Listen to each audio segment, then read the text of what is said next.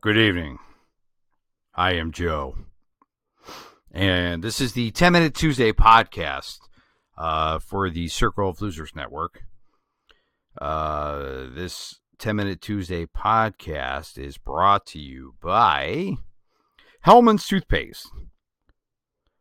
Do you really hate that minty, fresh taste that your normal toothpaste gives you? But you love mayonnaise. Try Hellmann's Toothpaste. It's for those that love mayonnaise but really, really hate to brush their teeth.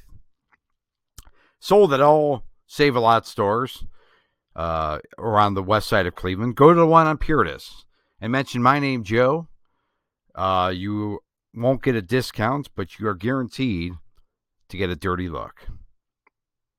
Uh, this is my second time doing a podcast for the Circle of Losers Network.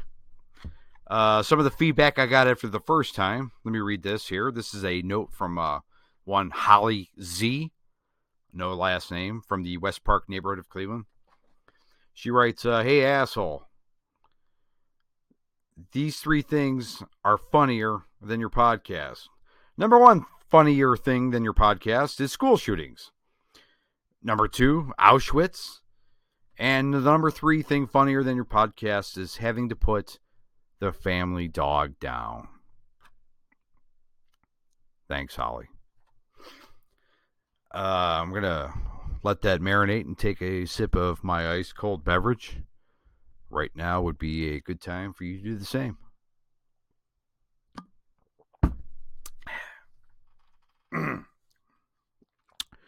so, this past Monday was uh, garbage day here in Cleveland. And lucky me for living in the city of Cleveland. Uh, a few years back, they issued a garbage can to everybody, uh, which is quite literally the same size as a 10 person jacuzzi. So, living alone, I don't generate a lot of garbage, you know, except for what I, you know, put on these podcasts. so, I don't have to put the garbage out very often, maybe once every three months or so. So Monday morning is garbage day, and I go to roll the garbage can out. And being a lovely Monday morning in Cleveland, 45 degrees, gloomy, cloudy, nice cold drizzle, where just enough to make your nose run because it's so damn cold. I go to wheel the garbage can down the driveway, and then I notice surrounded by nothing but bees.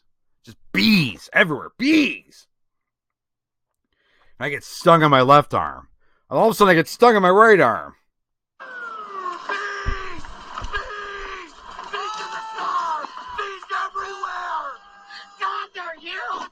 They're ripping my flesh off! Son, roll around. Me? Roll around on the ground. Forget that! I'm starting to swell! Save yourself! Ah, don't be the hero! Frank, I'm allergic to bees? Me too. They're huge and they sting crazy! We'll, we'll come back later and check on you. Yeah, I. Save yourself! Your firearms are useless against them!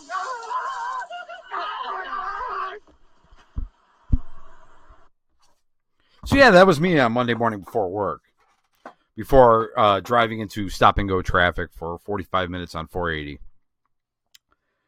It was then I you know I kind of looked under underneath the handle of the garbage can and there was a honeycomb there about the size of my foot. It was then I realized, you know, I really needed to save this honeycomb as some kind of uh, therapy animal. I mean, a couple weeks ago, some broad was thrown off a plane here in Cleveland for having a squirrel as a therapy animal.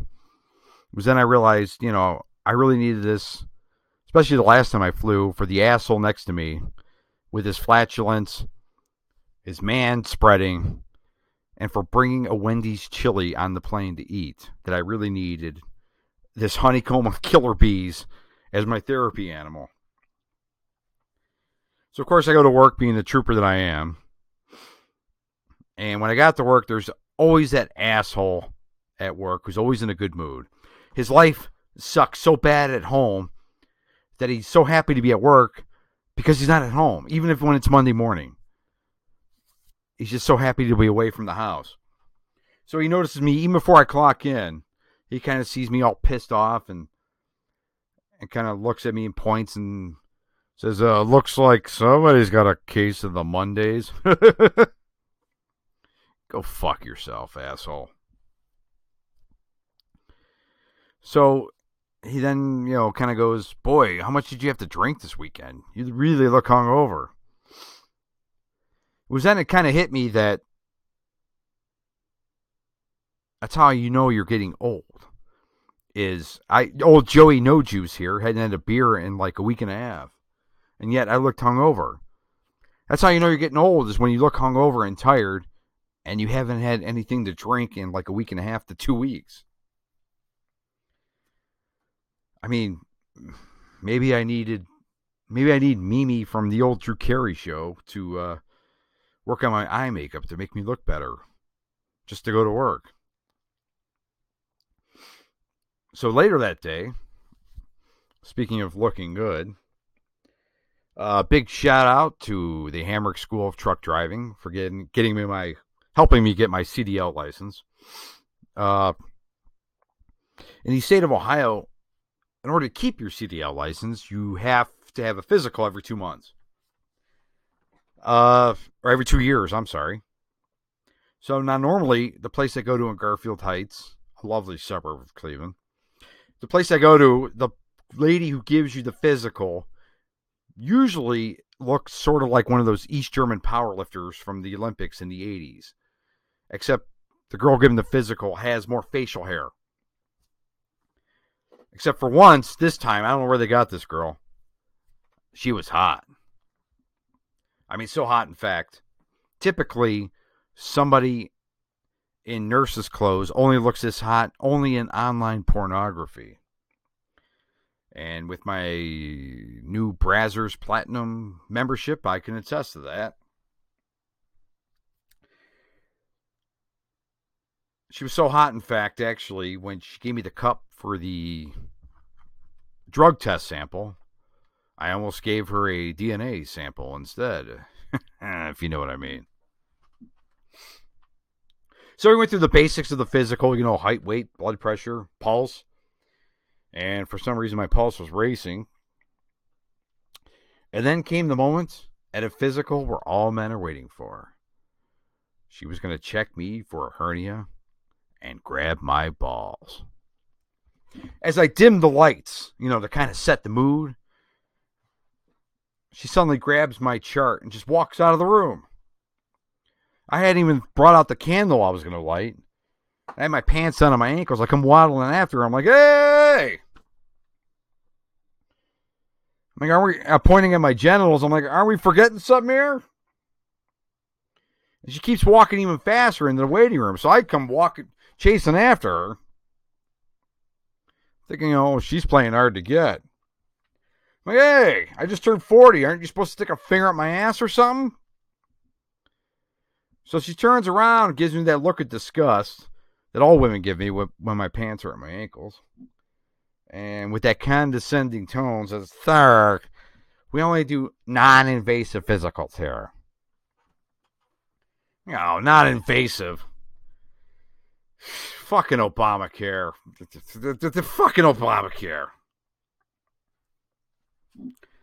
Although the one time, now that I'm thinking about it, the one time invasive Obamacare worked for someone in my family was uh, now I'm thinking about it, it was like last year. Actually, right before um, my mom passed away, uh, she was pretty sick. In fact, so sick and bedridden to the point where when she had to poop, she needed an enema.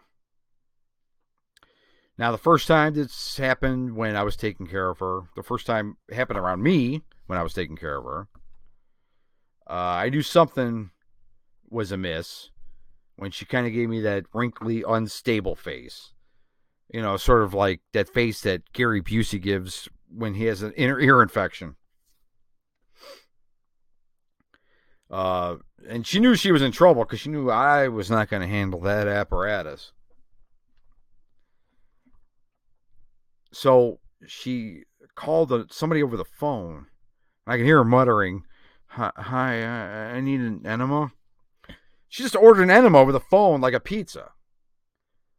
And I'm thinking to myself, you know, the way she ordered it, I'm like, you know, if the enema doesn't show up in 30 minutes, does she get the enema for free? Maybe she's got a coupon code. And I can get a small enema for $3.99 as an appetizer. So the nurse showed up, and I met him on the porch. It was a guy nurse. And I made sure I shook his hand before he went into the house. Because Christ knows I ain't shaking that hand after I get out. After he gets out.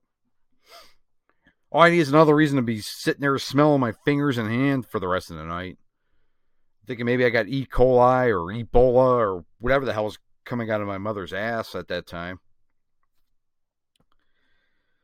So I kind of just hung out in the backyard and wait till I, I heard his car leave and figured then it was safe to go back into the house and check on my mom. That's a caring guy I am. But I walked in the house, I noticed my mother laying there. She was laying there, actually looking resplendent and aglow. So much so that I'm sure, you know, my father was probably looking down, thinking to himself, damn, look at the way my wife is glowing. For 40 years, I must have been hitting the wrong hole. Should have been hitting the asshole instead of the hole in the front. You know, maybe then I could have gotten another dog instead of giving birth to that bald ass Pollock taking care of her. I'm sure that's what he was thinking. And I'm glad I, as nasal as my father's voice was, I'm glad I, I used the more macho voice. In fact, my father's voice was so nasal, even Elton John said, "Jeez, that guy needs to man up." So, having said that, that is the end of uh, what is now a 12 minute, 10 minute Tuesday podcast.